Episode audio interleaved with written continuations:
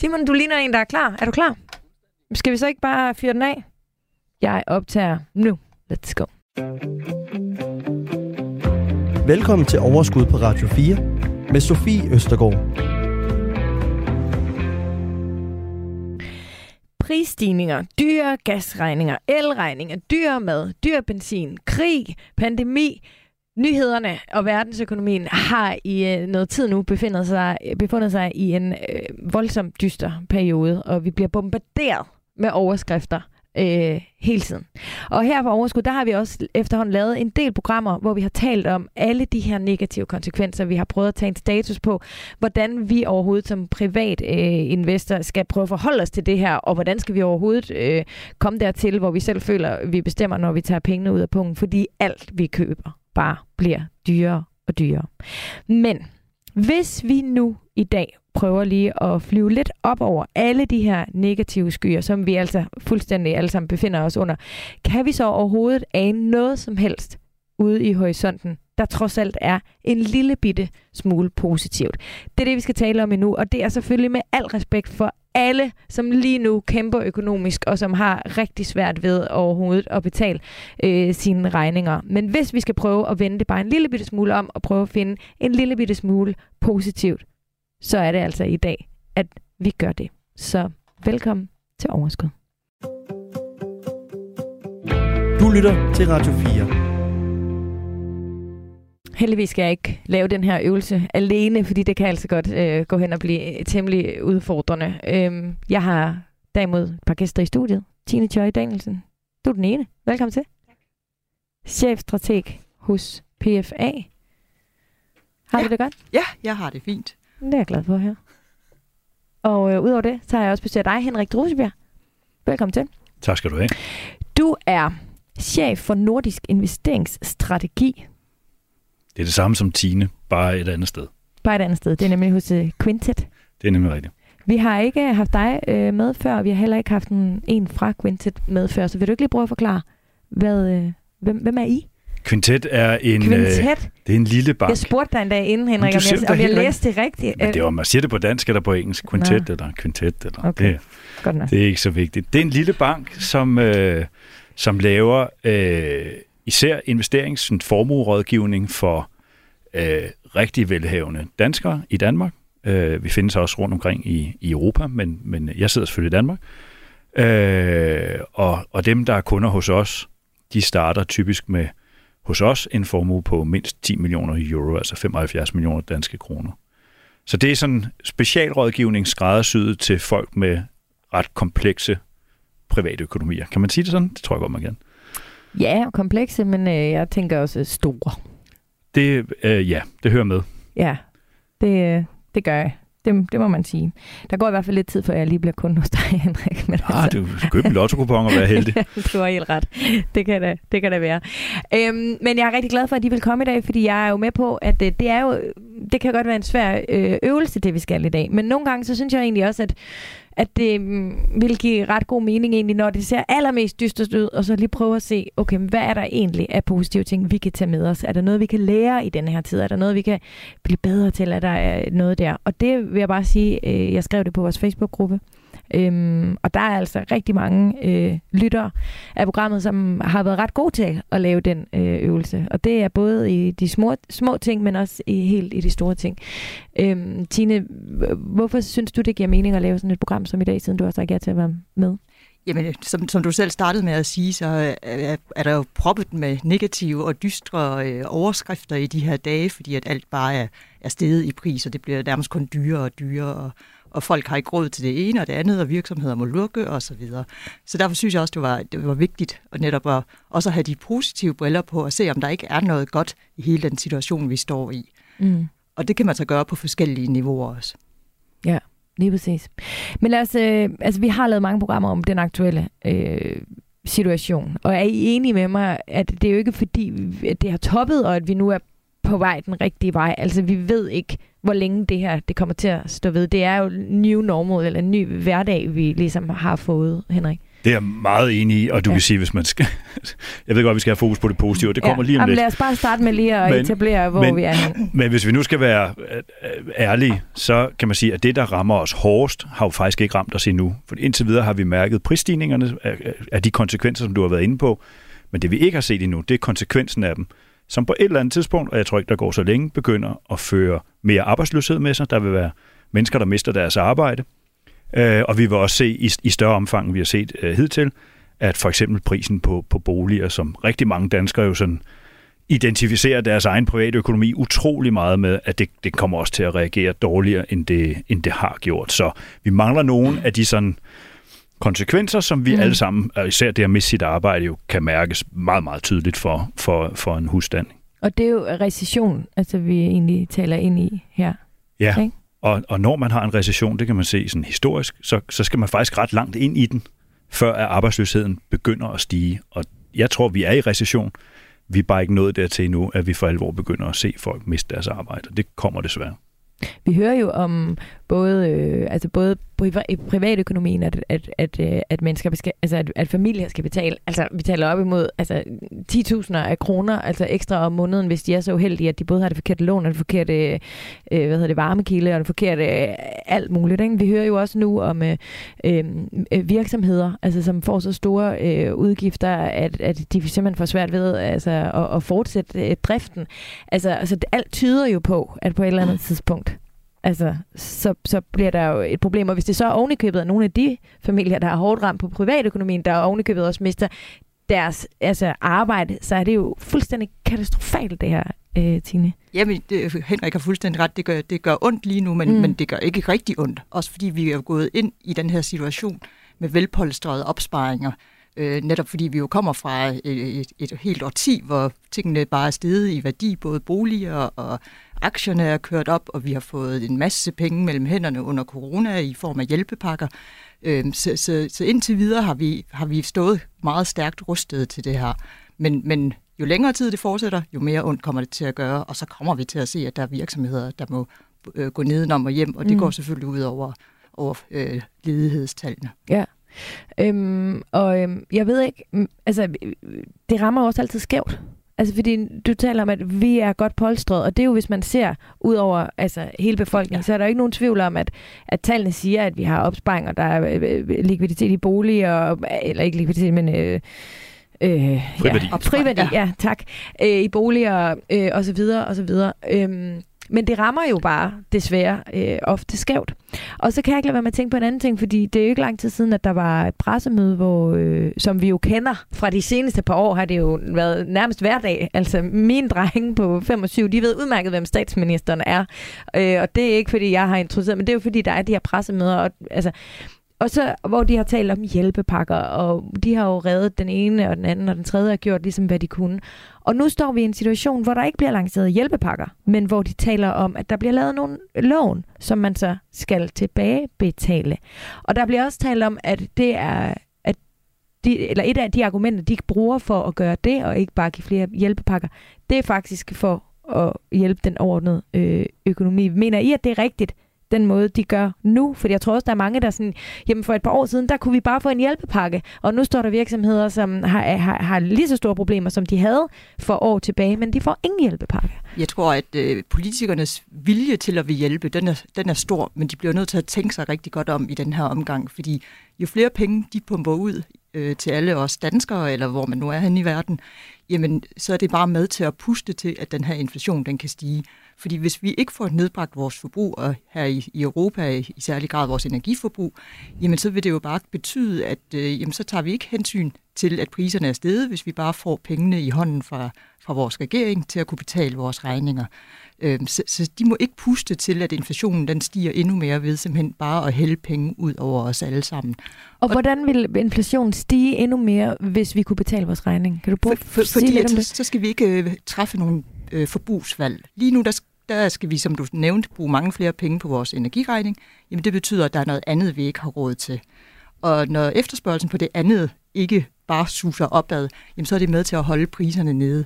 Men hvis vi nu fik pengene til at betale vores regning fra regeringen, øh, hele vores energiregning, jamen så skulle vi jo ikke træffe noget andet forbrugsvalg, om vi vil på ferie, eller hvad købe tøj eller øh, nye øh, telefoner, eller hvad ved jeg.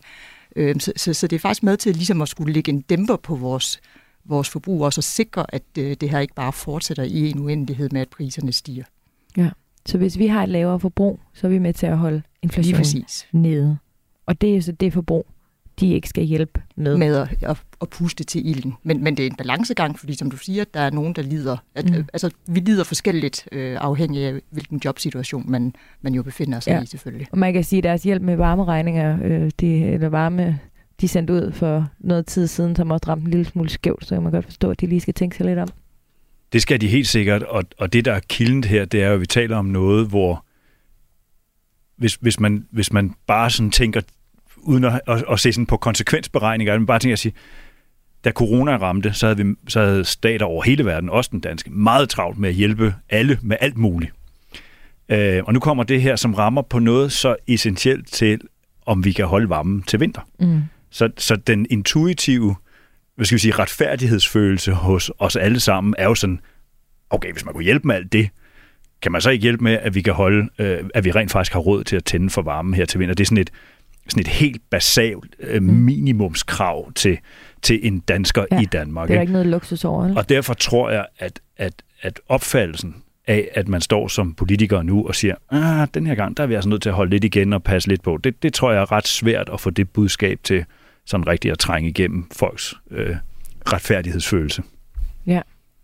Jeg tror, jeg kom til at sige varmeregning, men det jeg mente, det var jo de der varme, varme checks. ja. ja, jeg kan fortælle, at jeg har i den forgangne måned været sammen med tre milliardærer, der alle sammen har fået varme checks. Så, så det er ikke ramt altså helt præcis der, hvor man gerne vil. Nej. Du lytter til Radio 4. Godt. Jamen, så kunne jeg godt tænke mig, at øh, vi nu prøver at øh, vende, øh, vende det lidt. Og så prøver at tale om, øh, hvordan øh, en inflation Altså, kan det overhovedet på nogen måde være en god ting, at vi har øh, inflation, Henrik?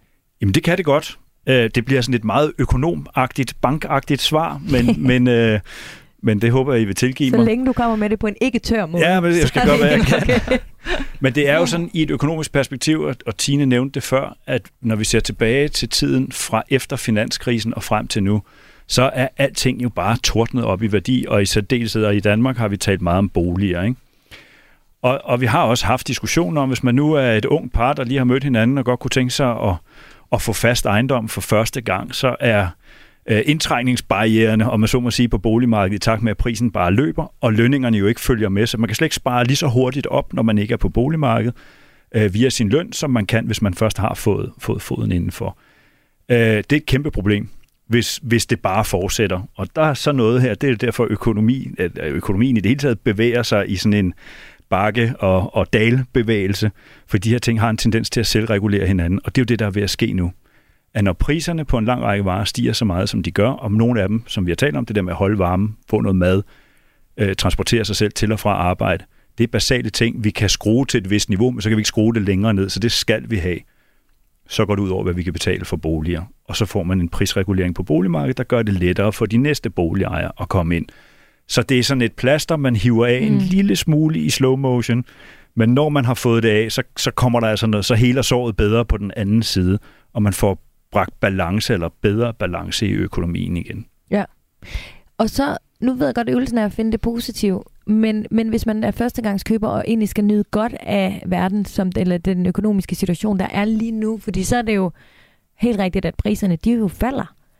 Men det er jo så også dyrere at sidde i det her hus, og det, det lån, du kan få, er jo så også væsentligt højere. Altså så hele dit rådighedsbeløb, altså så skal du jo tjene altså måske næsten tilsvarende mere, end du skulle. Ja.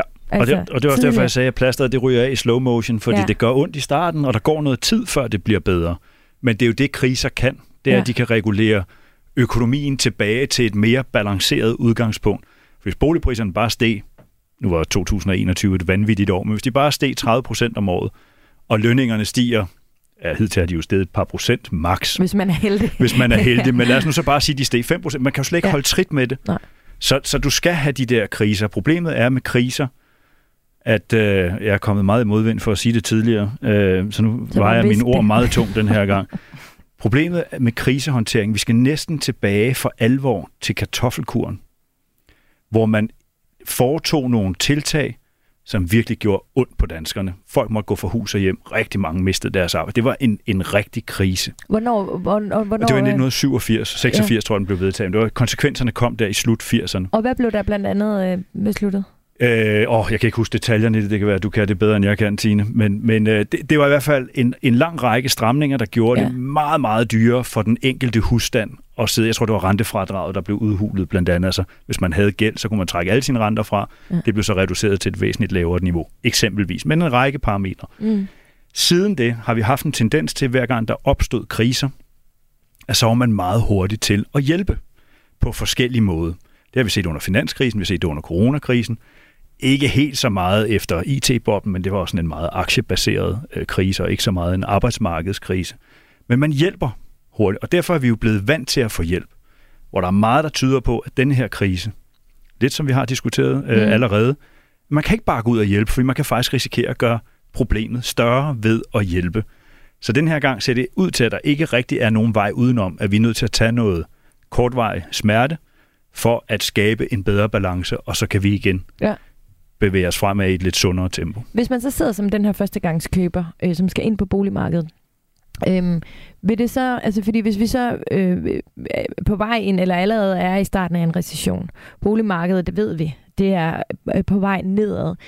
Vil der så komme et tidspunkt, altså, hvor man så måske som førstegangskøber, øh, altså altså, at det er en større fordel, end det er lige nu, men hvor priserne måske er faldet, altså selvfølgelig på boligerne, men også på udgifter til det ene og det andet, og renten, den er lidt mere fordelagtig. Altså, så der, der kan komme et tidspunkt, hvor det faktisk er en fordel at være førstegangskøber. Det, det tror jeg helt afgjort, der kan. Altså, mm. får vi en rigtig recession, hvor arbejdsløsheden stiger, så er det et spørgsmål om tid, før at bankerne, centralbankerne begynder at sætte renterne ned igen.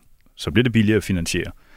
Og så tror og håber vi jo alle sammen, at krigen i Ukraine er noget, der går væk igen og at man på en eller anden måde får normaliseret øh, nogle energiforsyninger fra, fra, fra Rusland på et eller andet tidspunkt. Om det bliver om tre måneder, om seks måneder eller om tre år, det, det tør jeg ikke begynde at gætte på. Men vi tror ikke på, at det er en permanent tilstand, at, at der skal være krig derovre. Mm. Til gengæld vil jeg sige det. Det er jo en af de positive ting ved hele den her situation, det er jo, at der er ekstra øh, strøm til, så at sige, til øh, klimaomstillingen. Fordi med krigen øh, i Ukraine, jamen, så har vi jo spist processen op, fordi at lige pludselig er det fossile blevet en mangelvare. Ja. Og det gør jo, at vi skal satse endnu hårdere netop på at få opbygget vores, øh, vores alternative øh, energikilder. Så, så der er kommet ekstra fart på den del. Men problemet er selvfølgelig, at du kan ikke, altså en vindmølle kan du ikke bare lige bygge og kaste op øh, på, på en måneds tid eller sådan noget, og så lukke det hul, der er efter gassen. Og, og, og derfor får vi de her øh, store øh, prisstigninger lige nu, fordi det er en mangelvare. Men, men det er helt klart en, en pose, altså at det her med, at nu, nu kan vi få omstillet os, øh, det kommer til at gå lidt hurtigere, end, end hvis vi ikke havde haft krigen i Ukraine. Og det synes jeg faktisk, at vi skal blive ved øh, lidt, fordi er der noget, øh, som vores lytter er øh, enige med dig i, Tine, så er det da simpelthen øh, det der. Nu skal jeg prøve at læse nogle kommentarer op fra vores øh, Facebook-gruppe, der hedder Overskud Radio 4, hvor alle, der lytter med, er meget velkommen. Marianne Bjørn Jensen, hun skriver, jeg tænker, at perioder med krig, mangel på ressourcer, sætter skub i den teknologiske udvikling, blandt andet inden for energiproduktion, lagring, kunstig intelligens og mange andre felter. Det er godt for verden og for klimaet med mere, men det giver også mulighed for øh, investeringer. Anne-Marie Nord, hun skriver, at vi bliver mere bevidste om at spare på energien. Jeg er spændt på, i hvilket omfang det kan læses i det samlede nationale øh, forbrug. Øhm, og det er jo, altså, altså det er igen og igen og igen og igen, altså er virkelig mange, der, der skriver øhm, netop det, det her. Det kan jo allerede aflæses. Ja. Øh, ja. Dan, danskerne har allerede sparet eller øh, skåret energiforbruget med 15 procent her ved halvåret, halvårsskiftet fordi at den bevågenhed omkring, og, og priser, priserne er noget af det bedste til at regulere sådan noget, øh, med at vi skal spare og tænke anderledes. Ikke?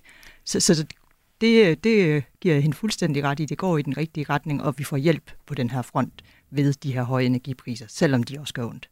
Men det er jo for sindssygt et eller andet sted at tænke på, at, øh, at den her omstilling, altså, altså at vi, altså, der er sgu det her, til, altså sådan, at mange af os har garanteret, selvfølgelig er der nogen, der har øh, måske brugt meget mindre, end de ville, men, men bare den opmærksomhed, ja. som er blevet sat i hovedet på os alle sammen, har faktisk gjort så stor øh, en, en betydning eller en indflydelse allerede. Men det ser vi faktisk meget tit i alle mulige økonomiske sammenhænge, at der skal krise til.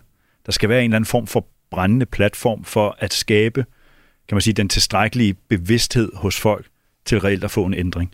Og det gælder politisk, og derfor bliver det jo sådan lidt, ja, hvordan skal man sige det? Nu har vi jo haft en lang periode, hvor vi har haft en rigtig stærk økonomi, øh, en øh, høj beskæftigelse, store opsparinger. Så det havde jo været meget nemmere at lave energiomlægningen der, fordi energiomlægningen koster jo penge. Det, det bliver dyrt at lave de her investeringer. Så det skulle man jo have gjort, mens det gik godt. Men der er bare ikke nogen grund til det. Eller jo, det er der, men der er ikke særlig meget lyst til det. Der er vi altså lidt nogen... Ja, jeg ved ikke, hvad vi skal kalde det. Ja, vi, men... vi tænker ikke særlig smart, og det gør Nej. politikerne heller ikke, fordi ja. man gør det, der er populært. Hvis man nu har gået ud i gode tider og sagt, nu skal I høre her, vi niver øh, et eller andet beløb øh, hvert år til den grønne omstilling, så er folk blevet rasende. Ja. Men nu, nu, nu er der jo forståelse for det, for nu kan man se nødvendigheden af det. Problemet er, at nu kommer vi ind i en periode, hvor folk mister deres arbejde, de betaler en formue for at varme deres huse op og tænde for lyset, så nu er der ikke råd til at lave det her. Og nu er vi nødt til at gøre det på et tidspunkt, hvor folk ikke har råd. Og sådan er det desværre. Det gælder både økonomiske reformer, af skattesystem og alle mulige andre ting, men det gælder selvfølgelig også på, på energipolitikken. Man har diskuteret i overvis, om man skulle øge forsvarsudgifterne uden at gøre det, og amerikanerne har brokket sig. Mm. Nu er der krig, så ja, kan alle europæiske lande lige pludselig øge forsvarsudgifterne med milliarder, tusindvis af milliarder af euro. Ikke? Øh, det er lidt bagvendt, og det er desværre også det, vi er fanget i på energisiden. Ja. Mette Strange hun har øh, også en kommentar. Måske så skal vi se de ekstra penge til el og varme som donation til Ukraine og fjernelse af Putin. Apropos øh, lidt politik er der i hvert fald også en, der forsøger at se lidt positivt ifølge hende selv. Så er der en her, der skriver, øh, Kat McLean, hun skriver, øh, den grønne omstilling bliver forceret, og politikerne kan ikke længere vente på teknologien kommer med trylleløsninger og søforklaringer. Den vestlige verden bliver nødt til at lære at leve med lavere energiforbrug og vil miste nogle privilegier, og dermed kan vi måske hurtigere nærme os en generelt mere retfærdig fordeling af klodens ressourcer. Energi, CO2, tunge produkter i madproduktionen vil i højere grad blive erstattet mindre belastende, og vores generelle kostsammensætning vil blive mere lokal, grønt og mindre kød.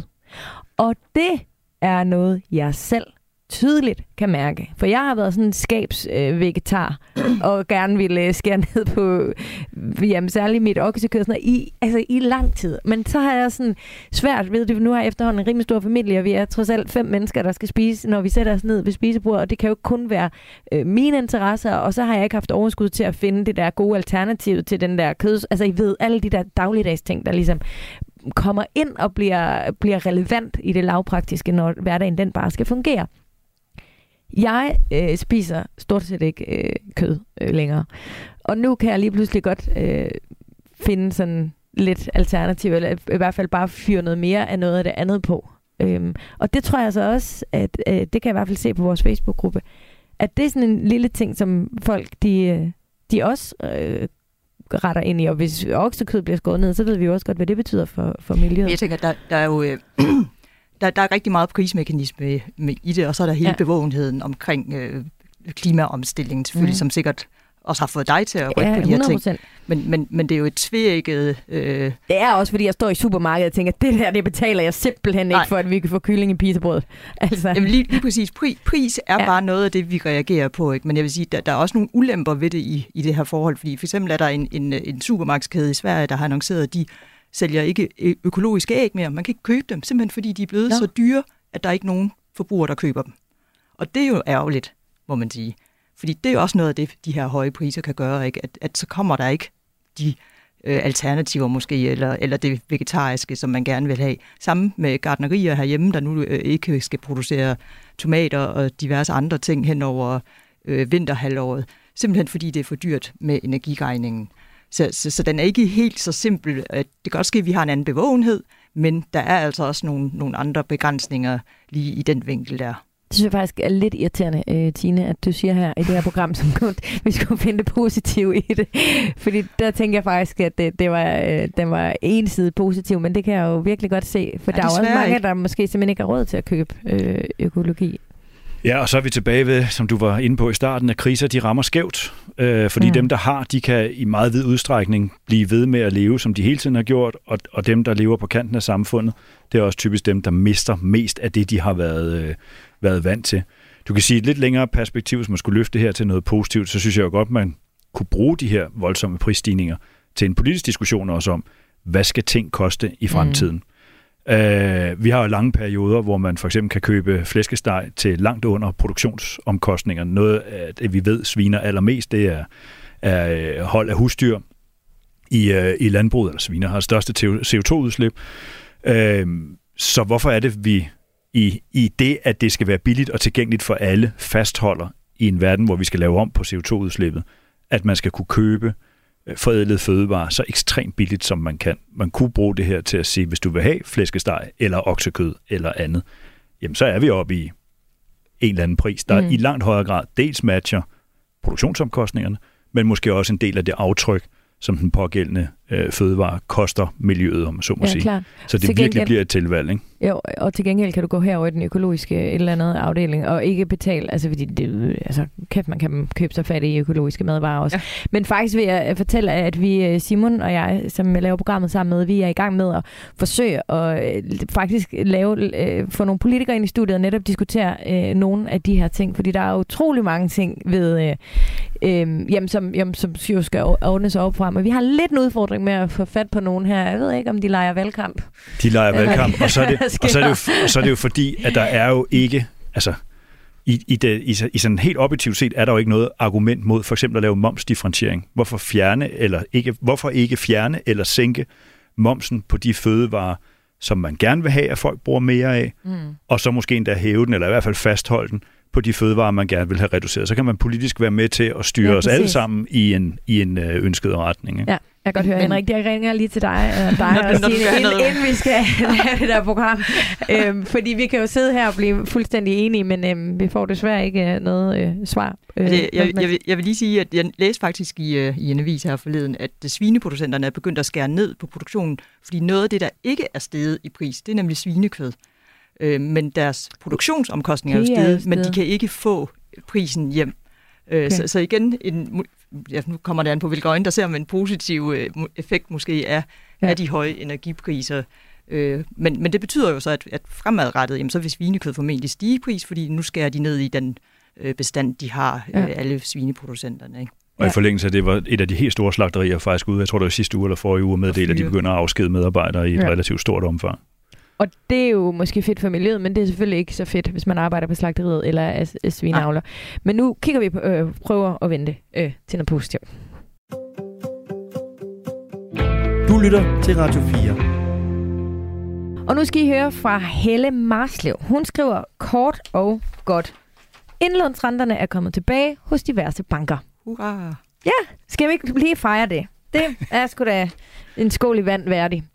Det tror jeg også, bankerne synes. De har jo ikke synes, det var sjovt med de her negative renter, og brugte jo de første mange år på i virkeligheden at dække den. Men så fandt man ud af, at det her det kommer til at vare ved så længe, så de til sidst, for at beskytte deres indtjening, øh, måtte sætte negative renter på.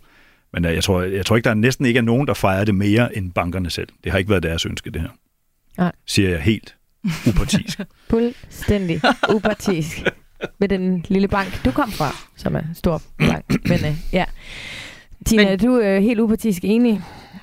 Øh, ja, absolut. Nej, det har ikke været i bankernes interesse. Det har været, været af nød, og så kan man selvfølgelig måske hæve sig lidt ud over landets grænser og så overveje, hvorfor andre lande ikke har gjort det, men at det nærmest kun har været et fænomen i, i Danmark, i hvert fald for private. Jeg bor jo selv i Sverige, der har ikke været negative renter, der har bare været nul i rente. Skal vi prøve at spørge Henrik om det? Det tør jeg slet ikke svare på. Jeg ved ikke, hvorfor overvejelserne har været anderledes, men, men øh, jeg kender kun de danske banker, og der var overvejelsen i hvert fald, at man ikke ville tage det indtjeningstab, som det gav at have indlån. For bankerne betalte jo penge for at have deres penge ja, stående. Ja, banker tjener jo ikke så mange penge, så det er jo... Nej, nej, men det er jo sådan en diskussion, ikke? som vi har med flere selskaber ja. i øjeblikket okay. i offentligheden. Ikke? Mm-hmm. Der er også nogen, der mener, at der er nogen, der tjener for meget på containerfragt, øh, fordi at priserne i øjeblikket er steget på det, og så fremdeles. Ikke? Men, men hun har da helt ret i, at det er en positiv ting, at renterne er kommet tilbage, fordi lige nu der har du jo bare fået en, en losing på begge sider af ansigtet, ja. øhm, hvor, hvor pengene bare er blevet mindre værd, og du skulle betale renter for at have penge stående. Ikke? Nu mm. får du i det mindste en, en, en lille, øh, men positiv rente. Ja. Men der har faktisk været en positiv gevinst af, at de har været negative. Kan man sige det? En positiv gevinst af, at det de har været negative. Det kan man godt sige. vi forstår det, så ja. kom med den. Det er, at rigtig mange danskere... Nu kan vi jo kigge misundeligt over på Tine, der bor i Sverige, øh, hvor man har en virkelig veludviklet investorkultur. Det er meget normalt ja. at give sine børn eller børnebørn aktier i dåbs- eller konfirmationsgave, hvor noget vi virkelig har misundt øh, her i, øh, i Danmark. Og de negative renter har faktisk fået rigtig mange danskere til at samle faget op, om man vil, og er begyndt i langt højere grad at investere selv, eller sammen med deres pensionsselskab eller bank, eller hvad det nu er. Mm. Og det er godt det for opsparingerne, godt. for os alle sammen på, på, på sigt. Ja, helt klart. Og lad os blive der, fordi der er også flere af vores lytter, der har en anden øh, pointe. Øh, og øh, Nynne Målø Larsen, hun skriver det ganske kort og godt. Der, hun skriver billige aktier. Der er øh, andre, der kalder det øh, udsalg og tilbud øh, på øh, øh, aktiemarkedet. Der er måske også muligheder der. Hvad siger I til det? Det er der Absolut. i høj grad, ja. Yes. Ja. Det er jo som, som Warren Buffett, han siger øh, oversat til dansk, man skal være grådig, når andre er bange, og bange, når andre er grådige. Yes. Og lige nu er vi jo i den første situation. Ja. Så, så der er absolut øh, nogle, nogle gode investeringer at foretage, og, og, og i det hele taget bare begynde at, at opbygge og vedligeholde sin portefølje.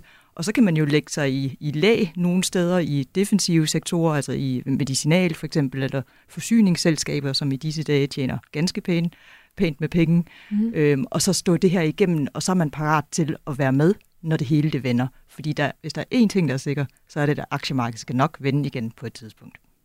Er du enig, Henrik? Fuldstændig. Rørende enig. Tina er også klog. Hun er sindssygt klog. ja.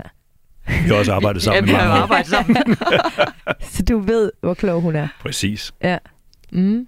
Ej, der er jo ikke så meget til. Det er fuldstændig rigtigt, at, øh, at man kan sagtens investere i aktiemarkedet, uden at det behøver øh, falde og stige med 50 procent om dagen. Men der er desværre, synes jeg sådan lidt, mediemæssigt, det må man godt sige, fordi det gælder ikke det her program, så kan der godt være sådan lidt en tendens til de der meget voldsomme, kortsigtede historier med en eller anden, der bliver fremhævet, fordi de har købt en aktie, så er den tilfældigvis steget 3.000 øh, procent øh, de følgende to dage, og så er man blevet rig. Og miljø, og, men det er jo ikke det, det handler om for os alle sammen. Det handler om, som, som Tine siger, at få bygget en solid portefølje op, og så kan man i dårlige tider lægge sig i de sektorer, der er sådan lidt mere beskyttet. Mm. For udsving, medicinal er et rigtig godt eksempel.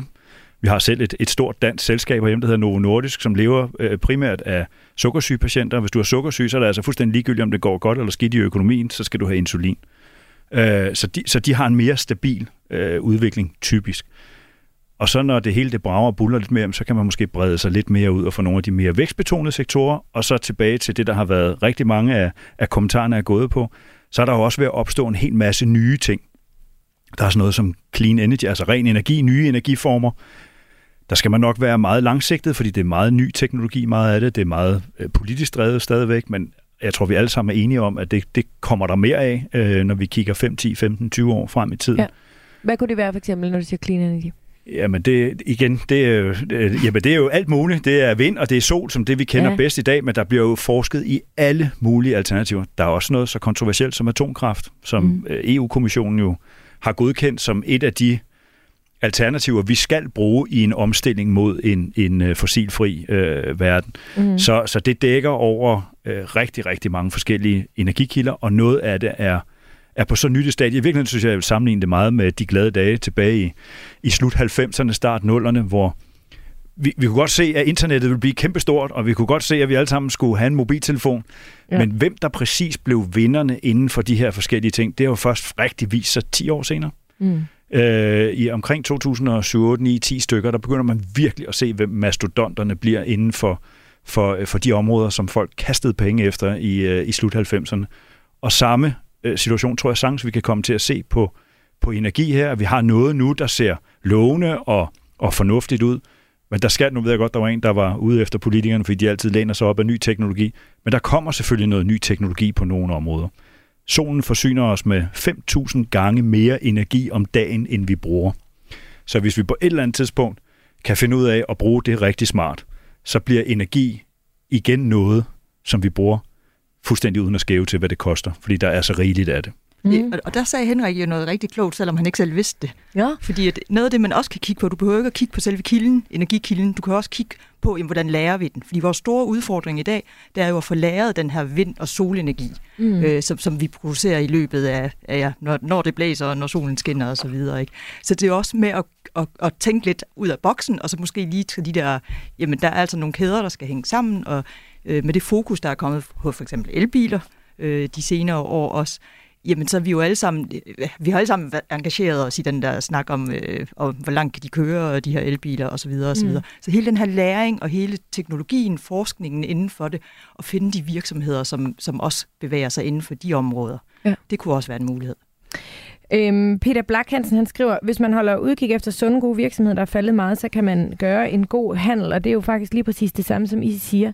Men så siger øhm, Michael Hansen her, vi danskere har brug for et spark over skinnebenet for at komme ud af starthullerne med hensyn til den grønne omstilling. Og det har vi delt med fået. Jeg ved ikke, om han er jyde, men det er jeg, og det må så være sådan, der. Med hensyn til aktier, så er der tilbud over det hele. Min kurs, den er fast. Jævnlig opkøb af en, opkøb af en øh, global øh, ETF. Haps, haps. Ja, tak. Øh, og det er jo også det, når du siger, øh, Henrik, at vi ved ikke, øh, hvem vinderen er. Det vidste vi ikke med internettet dengang. Det ved vi måske heller ikke nu. Men der er det måske også særligt, hvis man er, er ny, altså en god idé at købe nogle ETF'er eller nogle fonde, eller nogle, altså hvor vi ligesom kan ramme det hele lidt bredere, og ikke skal ramme øh, tallet på rouletten, men på den måde kan brede det der, det er en sindssyg fornuftig strategi. Det er, om man er ny, øh, om man er privat, eller om man er professionel og sofistikeret investor. Så kan jeg fortælle jer, at langt de fleste af vores kunder, de bygger sådan en stor kerneportefølje om, der består af sådan en global ETF. Og så øh, spørger de selvfølgelig også, og andre, men jo kigger også sig selv i spejlet og siger, hvad tror jeg så, der kunne være af temaer, der måske rækker sådan lidt længere ud i fremtiden, end det store brede gennemsnit. Det kunne være sådan noget som ren energi, det kunne være sådan noget som digitalisering af hele sygehus- eller sundhedsområdet. Mm. Øh, det kan være sådan noget som, som uh, cybersecurity, som, øh, som der også er under, kraftigt underinvesteret i. Og så kan man bygge sådan nogle satellitter uden på sin store kerne ETF, og det kan man jo også gøre med ETF'er, hvis man ikke selv har lyst til at sidde og kloge sig lige på det enkelte selskab, om det nu bliver dem, eller naboen, der bliver, der bliver øh, vinderne. Så det er ja. en sindssygt smart måde at gøre det på. Så vi kan i hvert fald hurtigt blive enige om, at øh, førstegangskøber på ejendomsmarkedet, de får måske øh, gode vilkår øh, inden længe. Men skal man ind på aktiemarkedet, så er det måske også et rigtig godt tidspunkt at starte. Man skal i hvert fald ikke være bare, eller man skal i hvert fald, hvad var det? Vi, når de andre er bange, så skal vi være grådige. Yes. Så øh, man skal ikke være bange for at være grådig, heller ikke i den verden, som vi har lige nu. Og det tror jeg, mange de kunne godt være lidt bekymrede, fordi hvad, hvad sker der? Men ja, måske vi, er det et godt tidspunkt. Vi, vi har jo som investorer en eller anden sjov tendens til, at vi køber, når det stiger. Ja. Alle sammen. Ja. Og så køber vi alle sammen, ikke? I stedet for netop at købe. Åndssvagt. Ja. Fordi det, det er jo langt bedre at starte nu ja. med at få, få købt ind. Og jeg siger ikke, at man skal gå ud med alle sine penge på én gang, men, men tag det i nogle små bidder. Fordi det der med at ramme bunden, det er der bare ikke nogen af. Altså Henrik og jeg har forsøgt i hvad, 20, 22 år efterhånden. Vi har, vi har endnu ikke ramt det. Øh, så, så det er jo det der med at hele tiden at have den der kerneportefølje. Ja. Løs det ikke en enkelt gang? En enkelt gang. Jeg har mit, en enkelt gang på 20 Må jeg bruge bare to sekunder på mit yndlingsregnestykke? Ja. Hvis man havde købt for 100 kroner aktier i 1980, ja. og havde holdt fast i dem til i dag, det er 42 år, så var de 100 kroner vokset til cirka 5.000 kroner. Ja. Cirka. Hvis vi så på de 42 år fjerner de 10 bedste måneder, mm. så falder afkastet til 1.500 kroner. Ja. Sagt på en anden måde. Sørg for at være der. To tredjedel af det afkast, man har fået de sidste 42 år, det er kommet på 10 måneder. Nu vil Tine sige lige om lidt, så nu kommer jeg ind i forkøbet. Hvis man går endnu længere ned en måned, bare går ned på dage, så er det faktisk koncentreret på ekstremt få dage i de 42 år. Så kan man hænge spejl op på væggen og spørge sig selv, tror du seriøst, at du de næste 42 år kan finde præcis de dage, det handler om? Og selvfølgelig lige så godt, finde de 10 dage, der er aller værst. Fordi hvis mm. man kan spare sig selv for dem, så er man nået rigtig langt. Jeg kan afsløre svaret nej.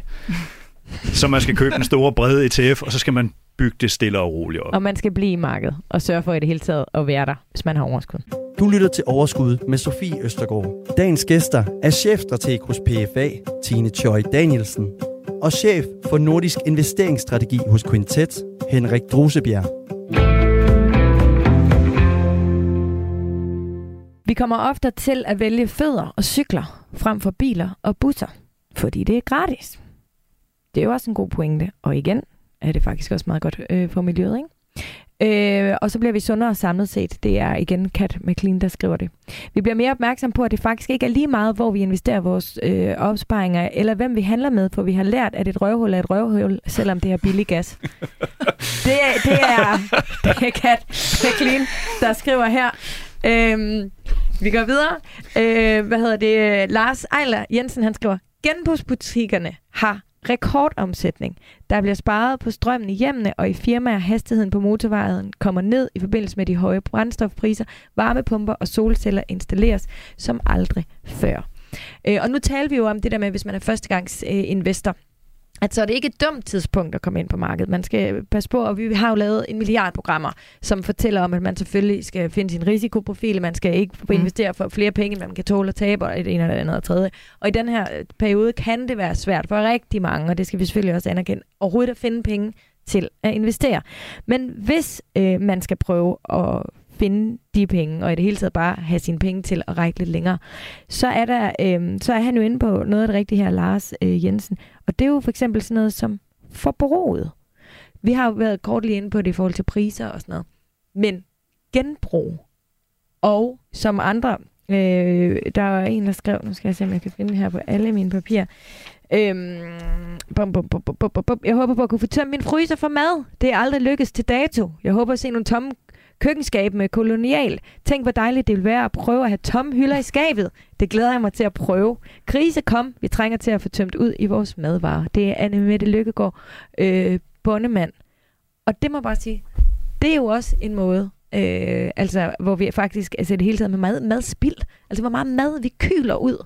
Meget enig. Altså man, man tænker da mere over det, fordi tingene netop koster meget mere i dag. Ja. Og så får man brugt det hele, øh, og tænker lidt alternativt på den der madlavning i forhold til, hvad man... Altså, for, for, øh, for et år siden, jamen, så smed jo man jo bare det der halve hvidkål ud, øh, mm.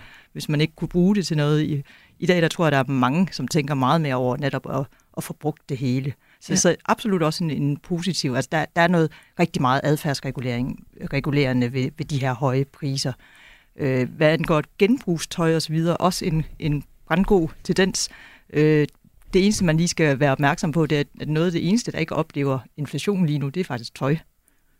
Ja. Og det gælder både i USA og Europa. Det må du bare nogle flere ord på. Jamen, vi kan bare se, når vi kigger på inflationstallene og deler den op på varegrupper, så kan vi se, at, at tøj, det, det, det stiger kun et par procent øh, hver måned her i løbet af det her år. Så, så det er ikke der, vi bliver ramt på pengepungen. Men mit gæt er lidt, at der nok er rigtig mange, der, der ligger inde med tøj fra corona-årene, øh, som man så ikke, øh, fordi det så nu ikke er højeste mode og alle de her ting, jamen så, så har man ikke hævet priserne der for at komme af med, med de lager, man har opbygget øh, tilbage til dengang. Nej, så det kan være naturligt, at laget ligesom ja. holder lidt længere. Men, men det er faktisk en af de få ting, som ikke er sted i pris rigtigt. Er der andre ja, ting? Og så er det jo en industri, som har ja. er gået fra en vinter- og sommerkollektion til to måneders kollektioner. Øh, jeg tror, vi ser nogle af de hurtigste huse, de er nede på to måneder mellem hver kollektion.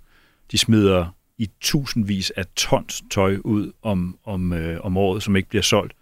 Men man producerer så hurtigt og så billigt, og med så relativt stor en profit, at det stadig kan, kan, kan hænge sammen. Ikke? Så, så der er jo også hele branchen. En ting er, at vi som, og det er selvfølgelig der, det starter tit, at vi som forbrugere måske begynder at købe noget tøj, der måske per, per styk koster lidt mere, men så til gengæld holder det længere så man også kan være bekendt at gå ned og sælge det i en genbrugsbutik bagefter. Mm. Men vi har jo, sandheden er, at vi har haft en meget, meget stor tøjproduktion i mange år, som man næsten kan kalde engangstøj. Ikke? Altså, det har været så billigt, og ja. det er produceret så hurtigt og så dårligt, ja. at, at, øh, det, at du kan have det på en gang, og så ryger det ud igen, og, og de overproducerer i et omfang. Så, og, og det er ikke bare for at stå hele tøjbranchen ned af, af brættet her, for det ser vi jo mange steder i mange typer af, af industrier, at vi skal til at øh, producere på ja. en anden måde hvis man skal have øh, sit CO2-aftryk mm. markant ændret. Men det kan tøjbranchen helt sikkert godt tåle at høre, fordi det ved tøjbranchen udmærket godt, øh, og det har jo været um, rigtig meget snak om det længe. Jeg var vært ved børnenes klimamøde her for et par måneder siden, hvor... Øh, Åh, oh, nu er det også irriterende. Men jeg mener, det var sådan noget 14.000 liter vand, der gik til ja. produktion af én t-shirt. Det er helt sindssygt. Altså, det er jo for sindssygt. Altså, så hvis vi skal sige noget positivt her, skal vi så næsten håbe på, at prisen... Øh, hvis altså... vi skal sige noget positivt, så, så vil jeg næsten, det, det lyder måske lidt mobilt, men så, så er det måske ret godt, at der faktisk er nedlukninger i Kina, fordi øh, det kan godt ske, at de vestlige tøjfirmaer har fokus på det, ja. men, men de har jo skulle konkurrere med Shine, og jeg ved ikke hvad, øh, ude for Kina, som sælger tøjet sindssygt billigt. Mm. Øh, og, og til trods for øgede transportomkostninger osv., så, jamen, så kan du stadigvæk få det sendt øh, til lille Danmark øh, til stort set ingen penge. Og, og og der betyder de nedlukninger, der er derude jo lige nu, at der ikke bliver produceret så meget af det, og, og der, der ikke er den samme konkurrence.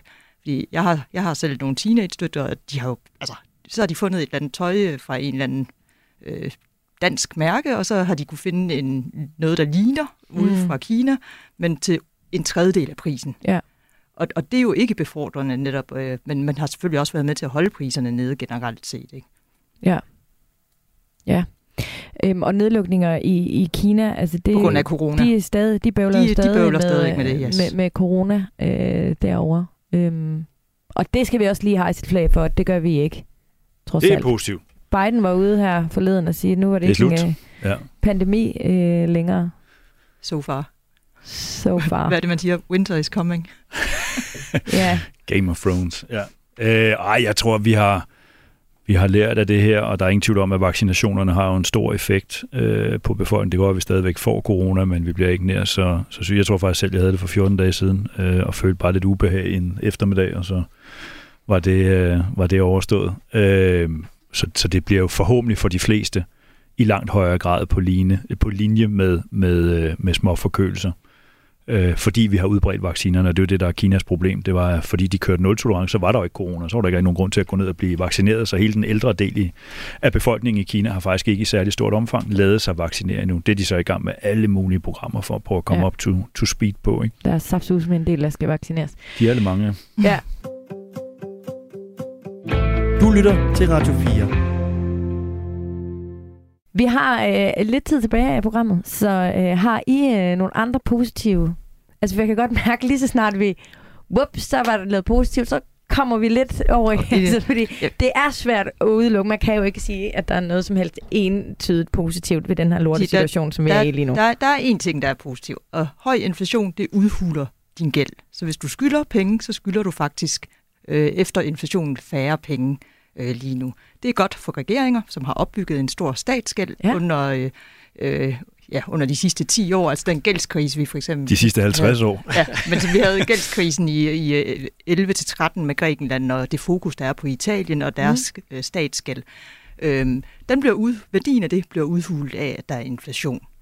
Øh, det samme gælder faktisk for alle dem, som har helt almindelige danskere, der har gæld, altså brug, øh, hvad hedder det, øh, husgæld videre, jamen det bliver faktisk, øh, ligesom at pengene bliver mindre værd, jamen så bliver gælden faktisk også tilsvarende mindre ja. værd. Men det kræver selvfølgelig, at hvis det skal være rigtig positivt, jamen hvis du ligger i et fastforrentet, så er det ja. altså win-win situation. Men hvis du har en, en variabel rente, så bliver du så ramt på, at udgifterne, de løbende udgifter øh, stiger, fordi renten så stiger. Og så er der en anden ting, konverteringer for, for danske boligejere. Øh, det, inflationen gør jo, at renterne de er kommet op, og det betyder altså, at man kan konvertere og skære de her 20-30 procent af sin gæld, øh, afhængig af hvilken type af gæld man har. Altså, vi har lige lavet et tillægslån i vores hus, hvor vi fik øh, halvanden million, øh, lavet et ekstra lån på halvanden million, og vi betalte kun 500.000 for det. Ja, det er sikkert en god handel. Det, det, er det, det, det, er positivt. det må du være fuldstændig enig med det, mig i. Det er en altså, vanvittig god handel. Det er en vanvittig god handel. Den er ikke dum, vel? Men, altså, ja. men, men jeg vil gerne lige blive lidt ved det der, fordi det, um, det er jo først fedt, ægte fedt, når man realiserer noget, eller når man ja. laver, altså, er det ikke rigtigt? Så hvordan kan staten ligesom, altså hvordan kan det være godt for dem, andet end at de lige kan sidde og se, øh, altså, det er jo lidt ligesom, det er fint at have friværdi i, i en bolig, men det er jo ligegyldigt, hvis jeg ikke sælger den. Ja, men, men, men det, der er godt ved det, det er, når du beregner din øh, gældsrate, så gør du det af nominelt BNP. Mm. Øhm, så, så, så, så det følger bare med hinanden, så den stiger ikke, selvom at staterne faktisk forgælder sig mere og mere.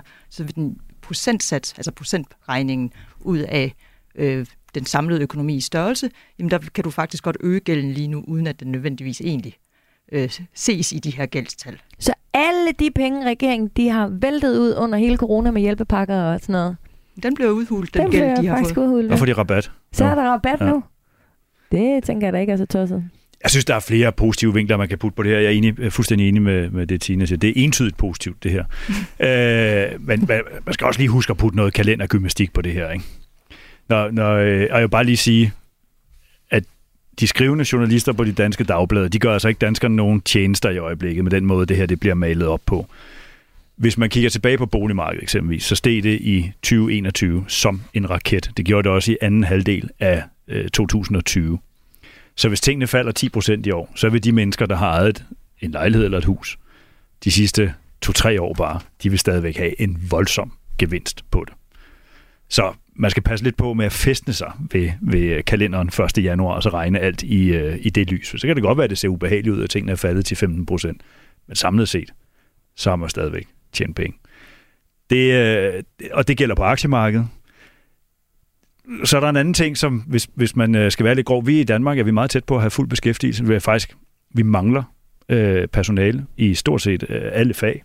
Mm. Og jeg ved godt, det bliver man altså ikke valgt til Folketinget af at sige det, jeg siger nu, så det er blandt andet derfor, jeg ikke stiller op til det. Men det er altså meget sundt, at man har en arbejdsløshed på 4-5 procent i et samfund, og vi ligger langt under det i, øh, i Danmark. Og det Hvorfor er det, er det fordi, at hvis øh, alle har et job, og vi mangler, så begynder du og jeg og Tina også at kunne forlange meget mere i løn, end vi sandsynligvis har fortjent for det job, vi, øh, vi udfører.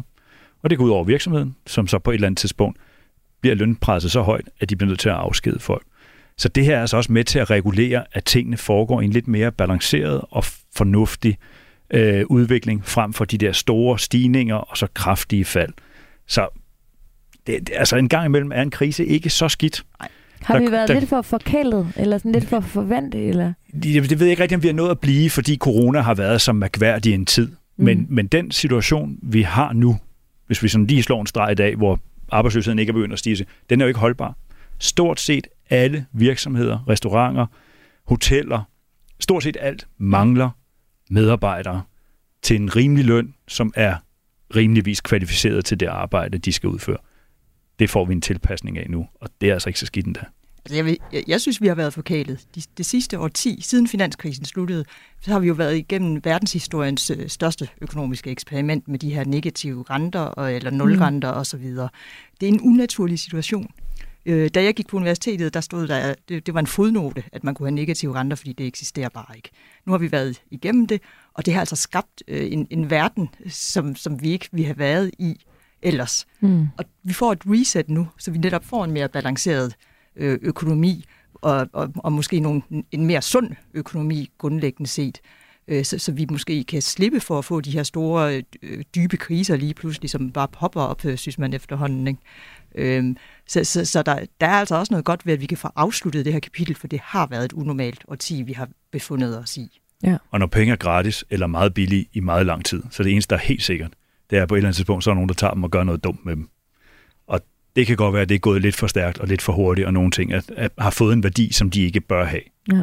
Og derfor er det her reset, som, som Tine kalder det, det er slet ikke så tosset. Når, når vi er kommet der til, at du kan købe abebilleder på internettet til, jeg ved ikke hvor mange penge, øh, og du får aldrig det der billede i hånden, øh, så er der for mange penge Er det derude. ikke bare fordi, at øh, altså med al respekt, at øh, det er den yngre generation, der simpelthen øh, ved mere om, hvordan øh, økonomien den skal jo, det er måske også, der Eller hvad? er gamle forstokket og ikke forstår værdien af, af, sådan, af, af på internet. Ja. Nå, men jeg synes, det skal jo skal være sådan en gammel sur mand, men det er sådan lidt... Nej, jeg synes ikke, du har været sur på noget tidspunkt. Men gammel, men gammel. og igen tilbage, igen tilbage til bankerne. De der sådan lidt sunde råd, du skal kunne svare et fastforrentet lån. Du skal have tre månedslønninger helst stående som en, en buffer, hvis der kommer uforudset udgifter. Vi har været i en lang periode, hvor det ikke har været nødvendigt, fordi alting er bare blevet billigere, billigere, billigere, billigere, billigere, og vi har kunne leve som om, der var ikke noget i morgen, og mm. vi blev ikke stillet til regnskab for de ting, vi gjorde. Det her er jo årsagen til, at der skal være lidt, lidt, lidt fornuft og lidt sammenhæng mellem løn og indsats og indtægter, og så de udgifter, man påtager sig, relativt til den opsparing, man er i stand til at mønstre. Og det kommer det her til at sætte på spidsen, fordi de stigende priser, de presser dem, der ikke har sat til side. Ja. Jamen, øhm... Lidt surt lyden alligevel. Ikke? ja, det var lidt, lidt bare, bare lidt gammel. Nej, der er ikke nogen af jer, der lyder gammel. Øhm, jeg kunne godt tænke mig at... Øhm, ja, altså vi er egentlig ved at være færdige øh, med programmet, men jeg synes, at Luna øh, Buron, tror jeg måske hedder, eller så hedder hun bare Buron. Jeg ved det ikke. En af de ting, uanset hvad, det er et meget fint øh, efternavn. Hun skriver, jeg håber, at alle øh, vil holde fast i de nye gode vaner. Spar på ressourcerne. Det gør vi åbenbart først, når det gør ondt på pengepunkten. Og i virkeligheden yes. synes jeg, at det er et rigtig godt sted øh, at slutte det her program. Og samtidig med kæmpe stor respekt for, at det er jo desværre ikke alle dem, der har formået at polstre sig, som du taler om, Henrik, som, øh, som øh, er der, hvor det rammer hårdest. Der er desværre nogle andre, som øh, er ramt øh, endnu hårdere. og kæmpe respekt for, for det, selvfølgelig. Ikke? Men øhm, tusind tak til jer begge to, fordi I vil komme. Jeg synes, vi formåede at holde det positive... Øh, ja, tone, det var meget let, for I var skide hyggelige at være sammen med. Men, øh, men også den positive vinkel. Jeg synes, der var nogle gode pointer, som øh, vi trods alt kan tage med. Hvor lang tid var det her ved? Ved vi det? Hvornår stabiliserer det hele sig igen? Jeg tror ikke, at vi er ret langt hen i det nye år, før vi begynder at se renterne lige så stille falde igen. Tine, er du enig? Der er jeg ikke helt enig. Jeg tror, de skal, de skal forblive lidt højere, end vi har været vant til i længere tid. Øh, men, men, men ja, vi, vi, i løbet af starten af næste år, så skal vi ikke blive ved med at sætte dem op fra øh, centralbankernes side i hvert fald. Okay. Men jeg tvivler på, at de sådan lige kommer øh, susende ned igen. Øh, i og det sagde jeg vel heller ikke. Jeg sagde, at de begyndte at falde stille og roligt. Hvis du lægger mig susende og andre ord i munden. ja, det er godt. Det er godt, det er godt, det er godt. Henrik øh, Drusebjerg fra Quintet. Yes. Tak fordi du ville være med. Tak fordi jeg måtte. Og, Tine Choi fra PFA, tak fordi du også ville være med. Selv tak. Husk uh, på min Facebook, uh, eller ind i vores Facebook-gruppe, Overskud Radio 4, der er I altid velkommen til at skrive til mig, og jeg vil også bare anbefale jer, at I inde i jeres uh, podcast, uh, uh, ja, hvad hedder sådan noget, bibliotek, går I ind og lige sætter et flueben, så I abonnerer på den her uh, podcast, og vi har altså over 100 uh, programmer, som I kan lytte til, som handler om alt muligt. Hvis du er en af dem, som har muligheden for måske at lægge dit lån om, men endnu ikke lige har gjort det endnu, et fastforrentet lån, så gå tilbage og hør nogle af de programmer, der handlede om lån, fordi de var altså også øh, geniale. Jeg hedder Sofie Østergaard, programmet her har jeg tilrettelagt øh, sammen med Simon Halberg. Er det rigtigt, Simon? Helberg. Ja, Helberg. Simon hedder Helberg. Han hedder Helberg, og han er mega sød. En lille smule snottet, hvis jeg lægger mærke til det i uh, hans speak i dag, men ellers er han sindssygt sød og rigtig god. Tak for i dag, og have det vidunderligt, til vi snakkes ved.